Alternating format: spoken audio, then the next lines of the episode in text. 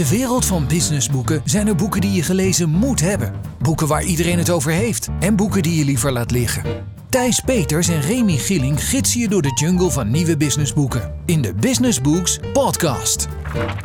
Dames en heren, welkom bij de zesde aflevering van de Business Books Podcast. De podcast die je bijpraat over de leukste, de beste en belangrijkste businessboeken van dit moment.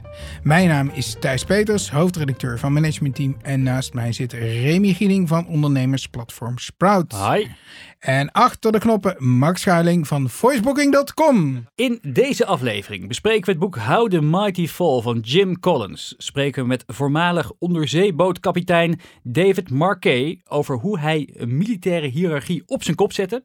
Hebben we het aan de hand van het boek Geen Paniek van Ben Rogmans over de banen die wel of niet gaan verdwijnen. En leren we ons concentreren dankzij diep werk van Carl Newport. Ja, Remy, uh, uh, prachtige boeken, maar ze zijn wel allemaal een beetje oud al. Ja, is komkommertijd, hè? In die zomerperiode komt er gewoon bijna niks, uh, niks uit of op de redactie. Dus we zijn maar in de boekenkast gedoken welke boeken we uh, graag zouden willen bespreken. Uh, ja, waren er nog reacties van luisteraars op onze vorige podcast geweest? Nou, ik was vorige week op bezoek bij Level Up Ventures in B Amsterdam. Het is een bedrijf van Ike Devenijns. het is, wat ze doen is eigenlijk recruitment voor startups en scale-ups. Heel cool, leuke ondernemer ook. En hij is dus fan van de podcast, want hij luistert het elke keer als hij gaat hardlopen, vertelde hij. Dus ik denk dat we gewoon ietsje sneller moeten gaan praten. We gaan door met het volgende boek. We gaan toch een beetje langzaam, want het is een heel serieus onderwerp. Diep werk van Carl Newport. Uh, Remy, jij hebt het boek gelezen. Uh, uh, laten we even beginnen met, met de schrijver. Wie is Carl Newport? Uh, Carl Newport is een uh, jonge professor aan de Universiteit van Georgetown in, uh, in Washington, D.C. In, in Amerika. Onder meer Bill Clinton heeft daar opgezeten. Bekende universiteit. En hij heeft ja, naast zijn werk als professor heeft hij ook een aantal zelfhulpboeken geschreven, waaronder Diepwerk, Werken met aandacht in een wereld vol afleiding. En wat, wat zeggen de recensenten over dit boek? Reed Hoffman, medeoprichter van LinkedIn, en die nog even op onze mail moet reageren. Een belangrijke boodschap voor iedereen die een indrukwekkende loopbaan ambieert. Mooi. Ja, zeker. En uh, Ernst-Jan Fout van De Correspondent, hè, een beetje de Nederlandse Reed Hoffman. Uh, wie zich leert concentreren, heeft een voorsprong op anderen. Een confronterend boek. Uh, jij hebt het gelezen, is dat, vond je het confronterend? Nee, eigenlijk weet je dit wel. Het boek Diepwerk gaat erover dat uh, wij met z'n allen, hè, als uh, overwegend kenniswerkers, continu worden afgeleid door collega's, e-mailtjes, appjes, Slackberichten en weet ik veel wat. En dat we eigenlijk ons gewoon niet meer in staat zijn om te kunnen concentreren op de belangrijke zaken in het leven en in ons werk. En wat hij eigenlijk zegt is, er zijn twee vormen van werk. Je hebt uh, oppervlakkig werk. Dat is dus dat je een beetje mailtjes zit weg te tikken de hele dag. Uh, maar je hebt ook diep werk. Diep werk is dat je uh, uren, dagen, weken, maanden geconcentreerd bezig bent met één specifiek onderwerp. En wat hij zegt is dat in de toekomst uh, dat veel belangrijker gaat worden. Want dat oppervlakkig werk, dat kan iedereen doen. Wordt geautomatiseerd, geautomatiseerd door robots en zo. Maar als je uh, uh, de, de, de, de, kennis en kunde hebt om je vast te bijten in één onderwerp, dan ja. heb je de toekomst in handen. Dus dan, mocht je dus over vijf jaar nog steeds een baan willen hebben, dan moet je dit boek eigenlijk gewoon even lezen. Een paar leuke voorbeelden die hij hierin in beschrijft. allereerst J.K. Rowling, auteur van de Harry Potter reeks. Harry Potter, heb je gelezen? Ja, zeker. Ja, natuurlijk, voor de ja. kids natuurlijk. Uh, nee, ook zelf. Ik, oh, vind, hem zelf. ook, ik, vind, ik vind het ook mooi Engels om te lezen. Ja, ja mooi geschreven. Ja, ja. Um, die was op een gegeven moment bezig met het, met het laatste boek, The Deadly Hallows.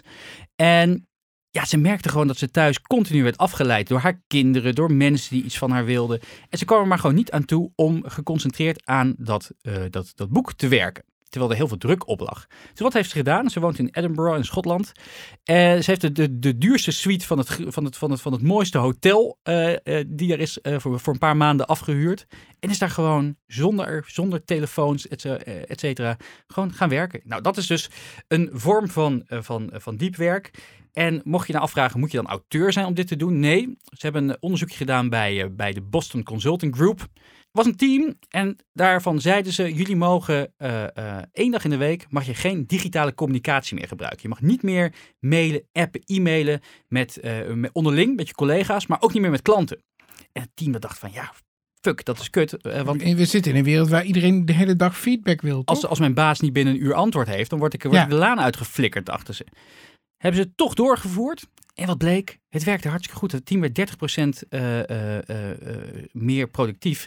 Ze waren ook nog eens, de, de klanten waren ook nog eens meer tevreden over het resultaat. Want die kregen gewoon een keertje echt goed doordachte antwoorden terug op de vragen die ze hadden gesteld. Wat Nou, moet ik doen voor de type werker?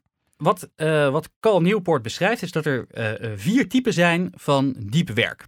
Dat is één, inderdaad, de kloostermethodologie. Je gaat je gewoon maandenlang ergens opsluiten in een hutje op de hei zonder enige vorm van communicatie. Dat werkt voor sommige mensen heel goed, maar ik denk in ons type werk dat het toch een beetje lastig is. Je hebt ook eh, de bimodale filosofie. Adam Grant, hè? een van onze, wij, wij zijn groot fan van hem. Ja, hij De- nog niet de- van ons, Hij nog niet van komt ons. nog. Hij wil ook niet terug, net als Reed Hoffman. Maar eh, eh, wat hij doet, is hij eh, verdeelt zijn jaar in een aantal blokken. Dus hij is ook docent op Wharton. En hij geeft alleen maar les in het, in het laatste kwartaal van het jaar. Dan, dan, dan doet hij ook verder niks anders. Dan focust hij, focust hij zich volledig op zijn studenten.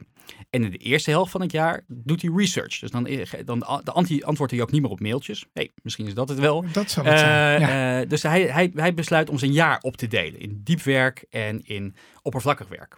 Dan heb je ook nog de ritmische filosofie.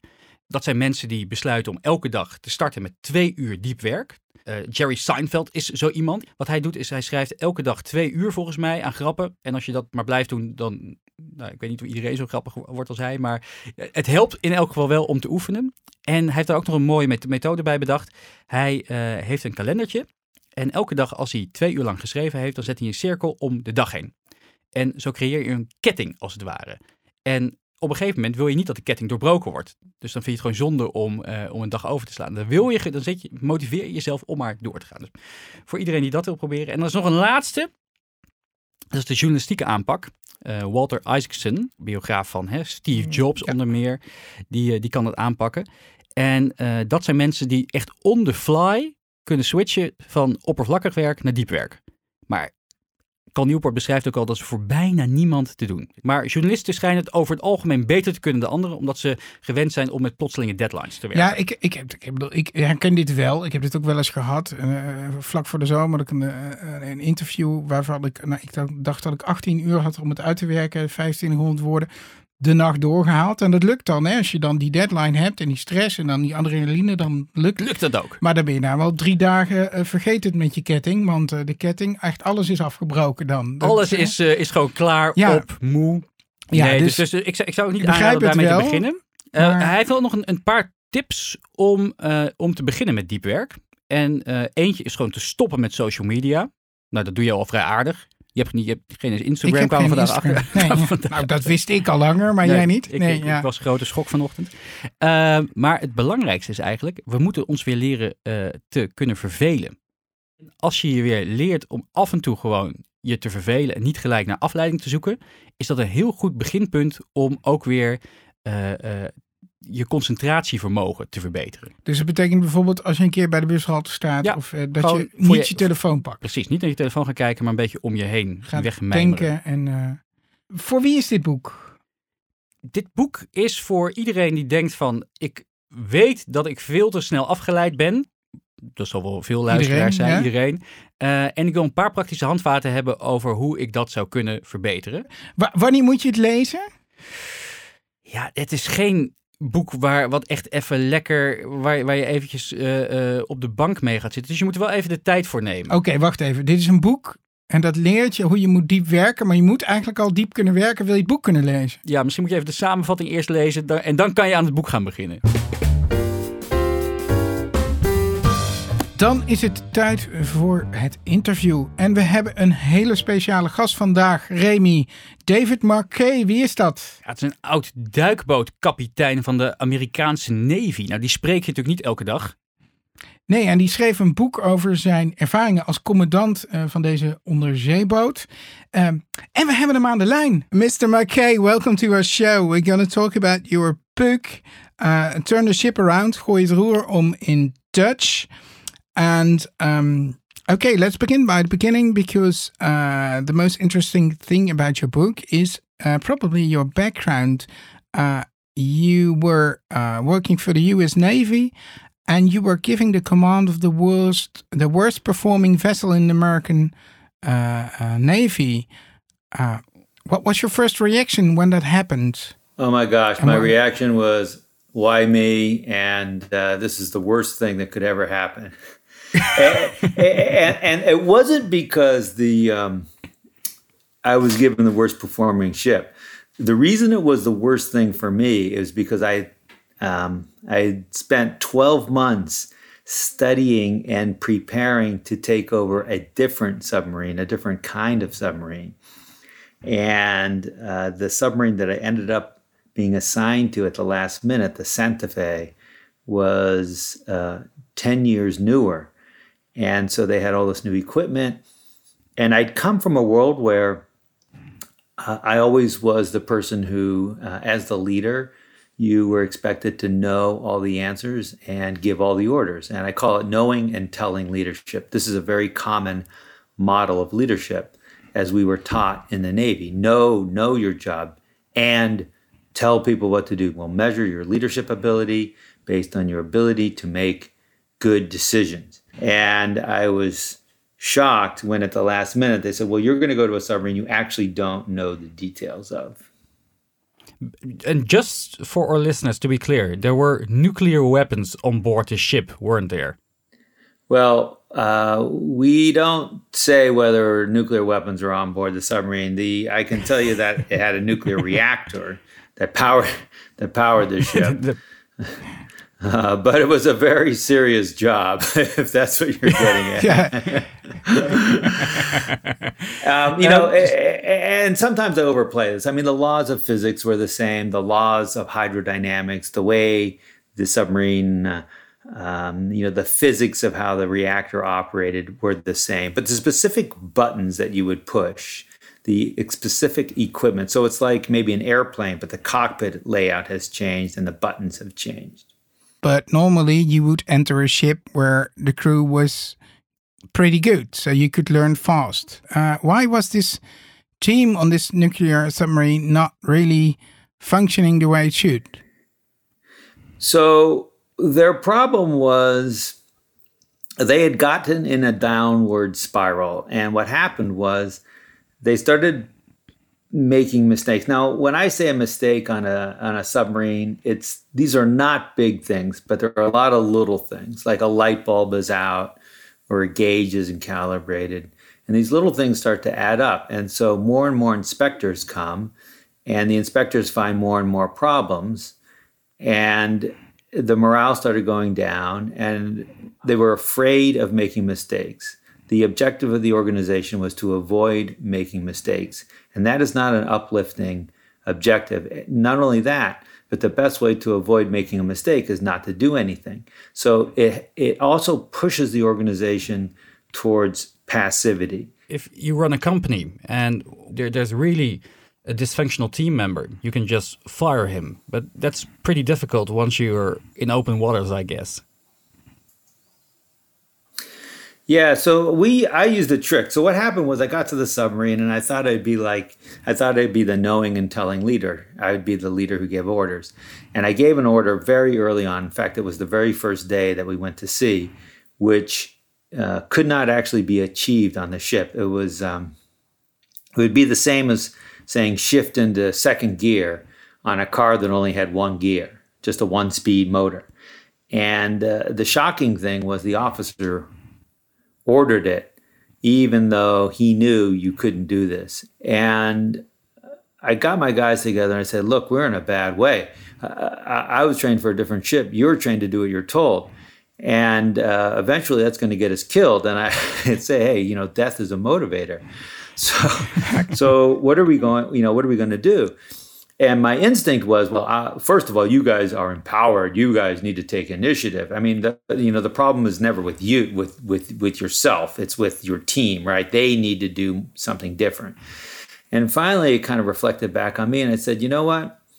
The first step is I'm going to stop telling you what to do. Now, Well, so what we normally think is, well, I'll tell you what to do, and if you think it's a bad idea, you tell me. This Yeah. is not the correct approach. The correct approach is the leader leans back, and the team and uh, invites the team to lead into them. And what happened on the ship was, all day long, the sailors and the officers would come to me.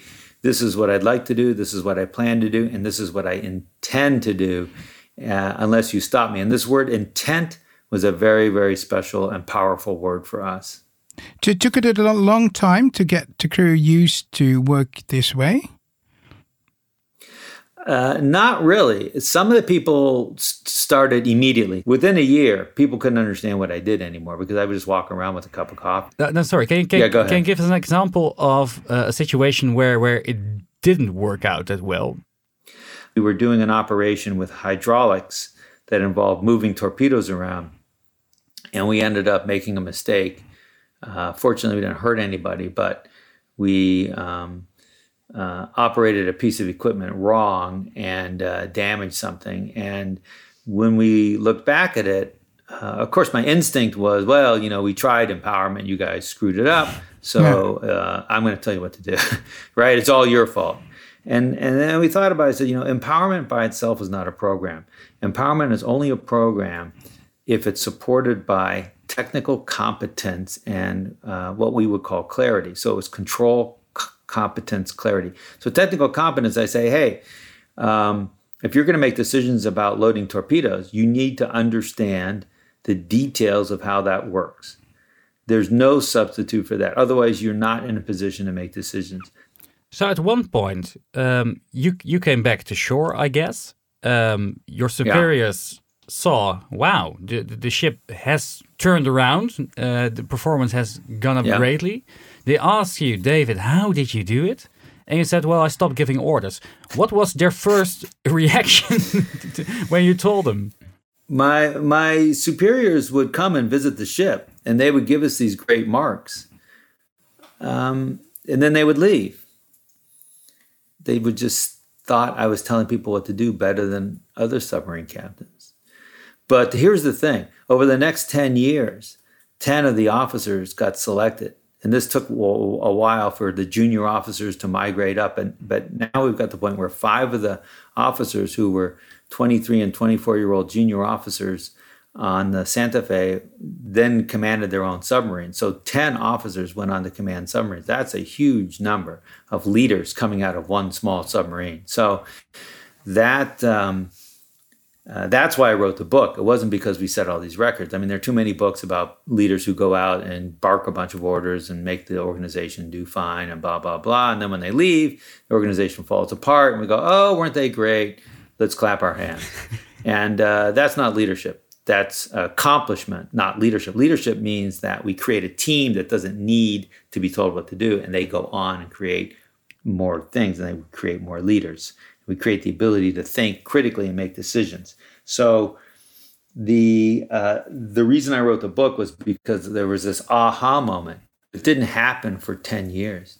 I understand, David, that uh, by the time you or the Navy um, saw how special this was, uh, you already left. Yeah, I was actually right at the end, and uh, I was leaving, and when I saw this, I decided that this was the story I wanted to tell because uh, I wanted to do a couple things with the book. Number one, I want readers to understand how scary this was for me as a leader, how counterintuitive it was, how vulnerable I felt. Secondly, I wanted the reader to understand that it wasn't about me giving orders and telling people what to do and us having this turnaround. It was really about creating more leaders in the long run. And thirdly, I wanted the reader to understand exactly what we did. What was the reason that you quit the Navy eventually? Uh, there, well, there were multiple things. One was I wanted to be able to tell the story. Uh, two, I also started having some health problems. And now you're uh, uh, you're doing a lot of lectures and workshops for companies. Uh, Yeah, yeah, and I've been to um, the Netherlands several times. My book is out in Dutch. yeah, yeah, we We have announced it. it. It's it's called Yeah. it's, it's called. I don't know if you can pronounce it. Gooi het roer om.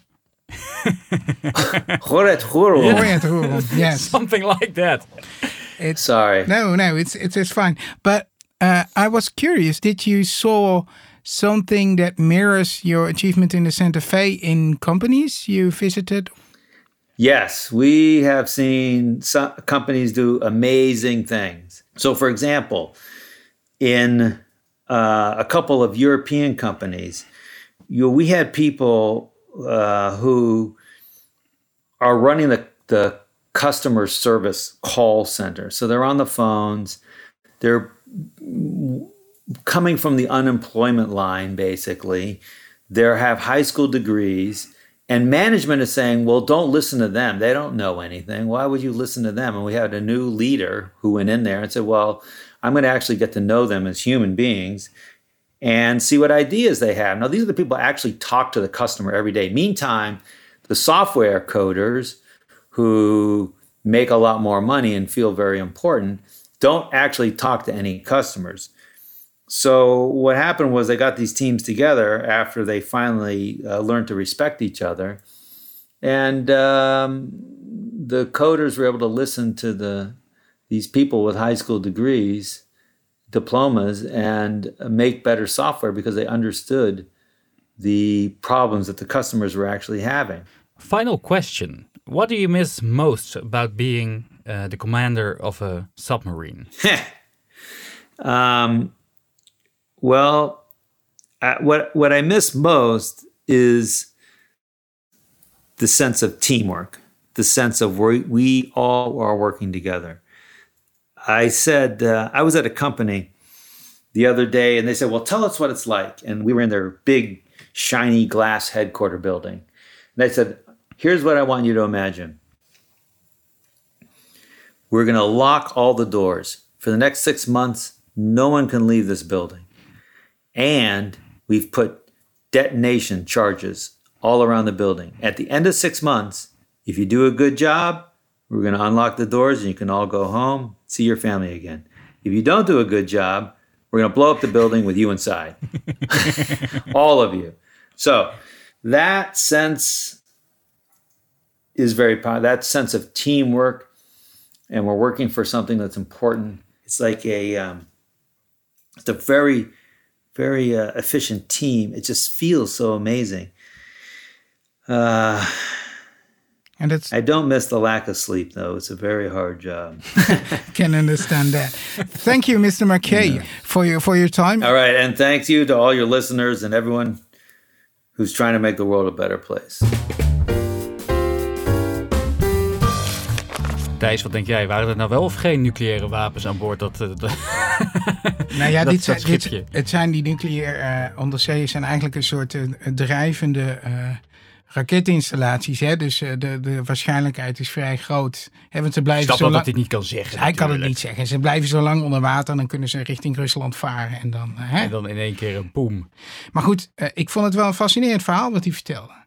Ik vond het ook. Ik vind ook dat hij het leuk vertelt. En ik vind het ook een fascinerend boek eigenlijk wel. Ook omdat uh, het een keertje leiderschapsbenaderd is vanuit een heel praktisch uh, een, een, een, een, situatie waarin je het echt nodig hebt. Weet je wel, die bedrijven is allemaal gelul en we houden elkaar allemaal een beetje bezig natuurlijk. Maar in zo'n very closed quartered ship, waarmee je echt inderdaad elke seconde telt dat je met z'n allen wel of niet eraan gaat. Ja, daar is leiderschap natuurlijk wel echt komt het tot de kern. Hey, wat, uh, wat zeggen de recente, uh, recensenten van zijn boek? Ja, hij had een hele mooie recensie van Stephen Covey. Wat zei hij erover? Kapitein Marquette is voor mij het vrijste toonbeeld van bekrachtigend leiderschap. Dit boek biedt je een model voor het bewandelen van je eigen pad. Tot slot, voor wie is het boek? Ik denk dat dit echt een boek is voor iedereen die leiding geeft. Is uh, dit echt leuk om te lezen? Wanneer moet je het lezen? Uh, ik moest het lezen om recensies te schrijven, maar ik heb het gewoon op een gegeven moment ook in bed liggen lezen. Want omdat het, het is een, gewoon een leuk verhaal. Het is spannend. Het, verhaal, het gaat ergens over. En omdat het... Je leest echt die verhalen hè, over, die, over ja. wat ze hebben meegemaakt op dat, uh, op dat, uh, op en dat schip. ik hou ontzettend van businessboeken met anekdotes van die, die, die, die, die, die printen, je, die branden in je hersenen, die, die, die blijven hangen. En dit is echt zo'n boek waarvan dingen blijven hangen omdat er een goed verhaal achter zit. Kopen of cadeautje? Als je het niet cadeau krijgt, zou ik het kopen. Ik, ik vind het wel echt een cadeautje. Ik bedoel, dit is echt leuk om te lezen. Ik denk dat er geen leider is die dit boek leest en die denkt van, wat moet ik hier nou mee? Het volgende boek is wel een nieuw boek, hè? want we hadden net dat... Het we- enige van, eh, van Het deze enige. maand. Eh, het boek Geen Paniek van eh, eh, Ben Rogmans met als ondertitel eigenlijk Geen Paniek, maar ook jouw baan gaat verdwijnen. Ja, we hebben nog geen recensies, want het boek is nog niet eens uit. Nee, Zo nieuw is het. Zo nieuw is het. Op het moment dat deze podcast online staat, is het denk ik net uit. Het is echt een heel vers boek van Ben Rogmans. Is medeoprichter van arbeidsmarkt onderzoekbureau de Intelligence Group. Vandaar dat het over werk gaat. Maar in ons vakgebied is hij wel bekend als de oud-uitgever van eh, Dagblad de Pers. En hij was ook hoofdredacteur ooit van BN De Stemmen Intermediair. En volgens mij heb jij nog eh, het basisboek journalistiek van meneer Rogmans moeten gebruiken op de school van journalistiek. Ik heb hem vast gekocht. Of ik hem ooit heb opengeslagen is, maar eh, is hier de vraag. Ja, nou heb je nou, nou, ik had je nou eens de kans om wel een boek van hem te lezen. Heb ik het Ja, gelezen? jammer. Ehm, Sorry Ben. Eh, vertel eens, waar gaat het boek over? eh, het boek gaat inderdaad over de toekomst en de banen van de toekomst. Er wordt de laatste jaren verschrikkelijk veel geroepen dat alle banen gaan verdwijnen. Ik weet ook, op het best gelezen artikel op mt.nl is deze banen gaan verdwijnen door robots. Hè? Dat, en ehm, en er wordt altijd één onderzoek de hele tijd aangehaald uit 2013 van Osborne en Frey. eh, ja, dan gaat eh, iets van 70% van de banen gaat Ja. dan en dan verdwijnen. door Mensen robots, uit, eh, dat. nou, 50% van de banen binnen 15 jaar. Dus dat zou in 2028 de helft van de banen verdwenen zijn. En eh, hij begint eigenlijk ook zijn boek dat is gewoon niet waar. Er komen nog steeds meer banen bij. Dat is altijd zo geweest. Met de ICT zou alle banen verdwijnen. Door de stoommachines zouden banen verdwijnen. Maar dat is gewoon niet gebeurd. Er is alleen nog maar meer werk gekomen. Hè, robots zijn net Polen. Ze gaan het werk doen waar wij te lui te verwend voor zijn. Eh, maar wij gaan dan weer andere dingen doen. En dat is echt de kern. Hij zegt ook, het gaat allemaal niet zo snel. Dus die vrachtwagenchauffeur, die gaat wel verdwijnen met die zelfrijdende vrachtwagens. Maar er zijn nog nooit zoveel vacatures geweest voor vrachtwagenchauffeurs als nu. Dus, eh, nou ja, het is Het is eigenlijk een soort van. Het boek is eigenlijk een soort van. eh, eh, anti tegen al die, al die toekomstdenkers eigenlijk, hè? Ja, het is ontzettend makkelijk om te verzinnen welke banen gaan verdwijnen. Ja, Dat kunnen jij en ik dus het ook. artikel was- op MT was vrij snel geschreven. Dat was heel snel geschreven. Ik heb het zelf niet geschreven. Ik had het zo kunnen schrijven, want het is heel makkelijk. Maar wat bijna niet te doen is, hoe verzin je nou welke banen erbij komen?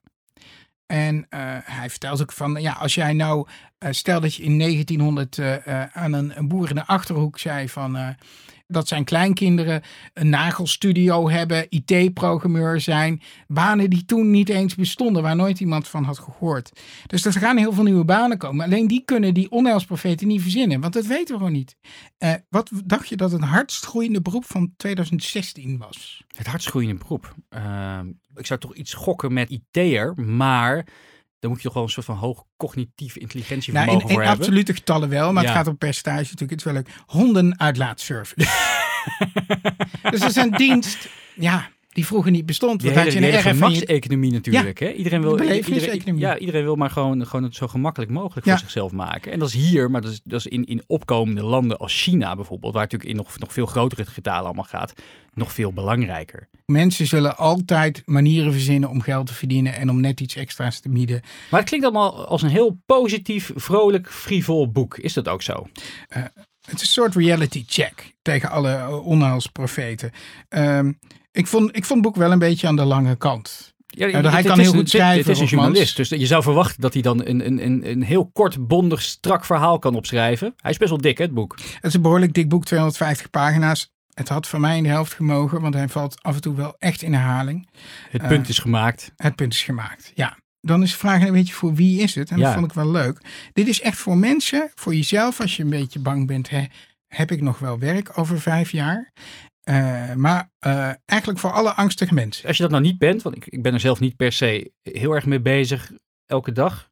Nou, het is geen boek voor ondernemers. Nee. zijn, één, ze hebben geen baan. En twee, hebben ze lef. Ondernemers kennen geen vrees, toch? Dat is waar. Dat, is, dat is zeker waar. Oké, dus, dus niet voor ondernemers, maar voor, voor, eh, voor de, je schoonmoeder die denkt van, oh shit, daar gaat straks mijn baan als honden uitlater. ja. En wanneer moet je schoonmoeder dit gaan lezen dan? Ja, ik zou dit. eh, op het moment dat ze op straat staat is het te laat. Eh, ja, doe het in het weekend, maar het is geen boek om in bed te lezen, zeg maar. Dan gaan we door naar het laatste boek alweer van deze maand. En dat is How the Mighty Fall van Jim Collins. Bekend van onder meer Good to Great. Echt een succesauteur. En dit boek is een beetje een, een, een, een, eh, een vergeten pareltje, vind ik zelf. Want ik hoorde nooit iemand over. Iemand, iedereen heeft het altijd over dat van Good to Great. eh, en nooit over dit boek. En ik heb het ooit een keer gekocht toen ik op Schiphol was. Of weg naar weet ik veel waar. En ik was zeer onder de indruk. Want normaal gesproken gaan al die boeken over management gaan over succesverhalen en 10 tips om het beter te doen. Maar bijna nooit gaat het over van ja, eh, waarom mislukken sommige dingen wel eens? En Jim Collins heeft onderzoek gedaan naar bedrijven die ooit heel groot waren. Eh, Bank of America, HP, ehm, eh, eh, Motorola. En waarom dat soort bedrijven met ongekende budgetten voor R&D het nou toch op den duur gewoon veranderen in dinosaurussen. Hij heeft onderzoek gedaan naar, naar die bedrijven Ja. en hun counterparts. Dus bedrijven in dezelfde branche die wel hebben geëxcelleerd. Bij al die bedrijven zie je een soort van vijf stadia ontstaan waar het, eh, waar het misgaat. Kun je even een voorbeeld geven van een bedrijf uit wat... Nou, la- laten, we, eh, laten we eens een keertje, eh, ehm, eh, laten we de stadia eventjes doornemen. Dan, dan, dan, dan weet je gelijk waar je op moet letten bij jezelf, of je daar misschien in een van die, van die stadia terecht bent gekomen. De eerste is, is hoogmoed, hè? gelijk een van de zeven zonden. Wat je vaak ziet, is dat mensen heel, ja, het, het succes voor granted gaan nemen. Ze zeggen van ja, dat, dat is logisch, want wij zijn nou eenmaal zo goed. In plaats van dat ze eh, bedenken waarom eigenlijk dat succes in de eerste plaats er was. Nou, wat je, wat je dan vaak ziet, als, als die hoogmoed eenmaal erin is geslopen in de hele organisatie, wij zijn de beste, een beetje eh borstklopperij, dan komt er een, een, een ongedisciplineerde pursuit of more. Eh, je wil meer, meer, meer. Je stelt niet meer de vraag van, goh, waarom is meer nou eigenlijk zo belangrijk? Eh, je- gaat, gaat groeien en je vergeet ook een beetje je kerntaken van je bedrijf. Waarom doen we wat we doen? En we gaan maar van alles en nog wat eh, erbij verzinnen. Want ja, hè, we, we hebben, het- geld klotst tegen de plinten. Dus we gaan maar in van alles en nog wat proefballonnetjes opblazen. En vergeten een beetje onze core business. De derde eh, fase is denial of risk and peril. Dus ze, vervolgens, je, je ziet wel zeg maar, dat het aan alle kanten eh, schuurt en kraakt het bedrijf. Het groeit nog wel. Eh, maar in, in die fase, zeker trekken de leiders vaak hun handen een beetje af van de problematiek. En fo- focussen zich alleen nog maar op de dingen die wel goed gaan. En gaan ze daar heel hard om schreeuwen. Nou, vervolgens is echt de downfall ingezet. Grasping for salvation. Daarbij, eh, in die fase, zie je vaak dat, eh, dat, dat, dat, dat, het bedrijf in één keer flinke klappen krijgt op de beurs. En dan wordt er vaak van buitenaf een nieuwe CEO binnengehaald, hè, die dan het, eh, het roer moet omgooien. En die gaat dan met vol grote, grote verhalen, vaak toch wel een beetje loze woorden, gaan ze vertellen dat, dat, dat, het, dat, dat, dat, dat change is coming. Maar hoe ze dat gaan doen, dat vertellen ze vaak niet. En het mooie voorbeeld dat hier ook in wordt beschreven is, eh, is het verschil tussen, eh, tussen eh, IBM en, en HP. Die twee bedrijven, een beetje competitors van elkaar, die zaten in hetzelfde probleem. Allebei waren ze niet heel innovatief meer. Ze waren door die, door die vier sta stadia al heen gegaan. En beide bedrijven kregen een nieuwe CEO. En de CEO van HP die binnenkwam bedacht meteen een nieuwe slogan. Invent. Ja, Eh, ken hem nog. Grote, grote eh, reclamecampagnes waarin ze voor die HP-garage eh ging vertellen over de geschiedenis en hoe ze het bedrijf weer opnieuw gingen uitvinden voor de toekomst. Terwijl die, die CEO van IBM de eerste honderd dagen alleen maar bezig was met: oké, hoe zit het bedrijf in elkaar? Waar zitten de juiste mensen? Waar, waar schort het aan? En die IBM-man werd eigenlijk een beetje afgeschilderd in de media als, weet je, angsthaas. eh, eh, Geen visie. geen visie, bedacht geen nieuwe slogan. Maar wat je zag is dat na, eh, na een jaar of twee dat HP nog steeds weinig had bereikt. Er waren veel beloften, maar er kwam weinig uit. En IBM, die zich vooral had gefocust dus op de interne processen, die deed het in één keer weer veel beter dan alle concurrenten. Voor wie is het boek? Ja, het is, eh, voor, iedereen zitten hier een paar leerzame lessen in. Of je nou eh, ondernemer bent, manager bij een groot of middelgroot bedrijf. De lessen die, bij, die we kunnen leren van HP, Motorola en al die anderen. Ook al zijn het Amerikaanse bedrijven, zijn gewoon ook relevant voor hier. Blijf gewoon heel erg scherp op, uh, op waar je mee bezig bent. Is het een cadeautje? Nee, het, het is eigenlijk gewoon te klein te, te, kort en te klein om, om als fatsoenlijk cadeau mee aan te komen. Dan kan je misschien beter het, uh, onze duikboordkapitein uh, meenemen. Ik zou het gewoon even voor jezelf bestellen. Oké. En, uh, en wanneer moet je het lezen? Ja, je hebt het zo uit. Dus even op de bank, pak hem er even bij. Eén avondje. Eén avondje, 100 pagina's, je bent er zo doorheen. Dit is wel weer een boek waarvan je in paniek kan raken. Hè? Dat andere boek geen paniek, maar hier denk je, dat gebeurt mijn bedrijf ook. Ja, ik dus, zit in fase 3. Dus misschien niet voor het weekend gaan lezen. Dan ga je ja. niet leuk het weekend in. Code rood. Code, Code rood. oranje. uh, we zijn alweer op het eind, aan het einde gekomen van de zesde aflevering. Um, maar we hebben altijd nog even wat tips. Remy, wat heb jij gevonden on the web? Ja, tips from around the web. Um, er was laatst een interview met Elon Musk uh, in de New York Times. Heel mooi interview. Ja, mooi interview. Waar ja. gaf hij ook een soort van uh, met, met tranen in zijn ogen toe ja. dat hij als een kind al een hele tijd niet had gezien en 100 uur, uur per week aan het werk was. Eindelijk een keer niet zo'n dichtges, door de PR dichtgesmeerd nee. interview, maar gewoon openhartig. Openhartig. Ja, uh, heerlijk. Een vriendin van hem, Ariana Huffington, ooit oprichter van de Huffington Post, die is toen in de pen geklommen en die heeft en plein publiek in een open brief heel mooi verwoord wat ze dacht van de acties van Elon Musk. En ze zegt eigenlijk, ja, gast, je bent met zulke mooie dingen bezig, maar je bent jezelf gewoon helemaal aan het, aan het, aan het verneuken. Dus pak je rust, want je kan niet de wereld veranderen als je niet eerst gewoon goed voor jezelf zorgt.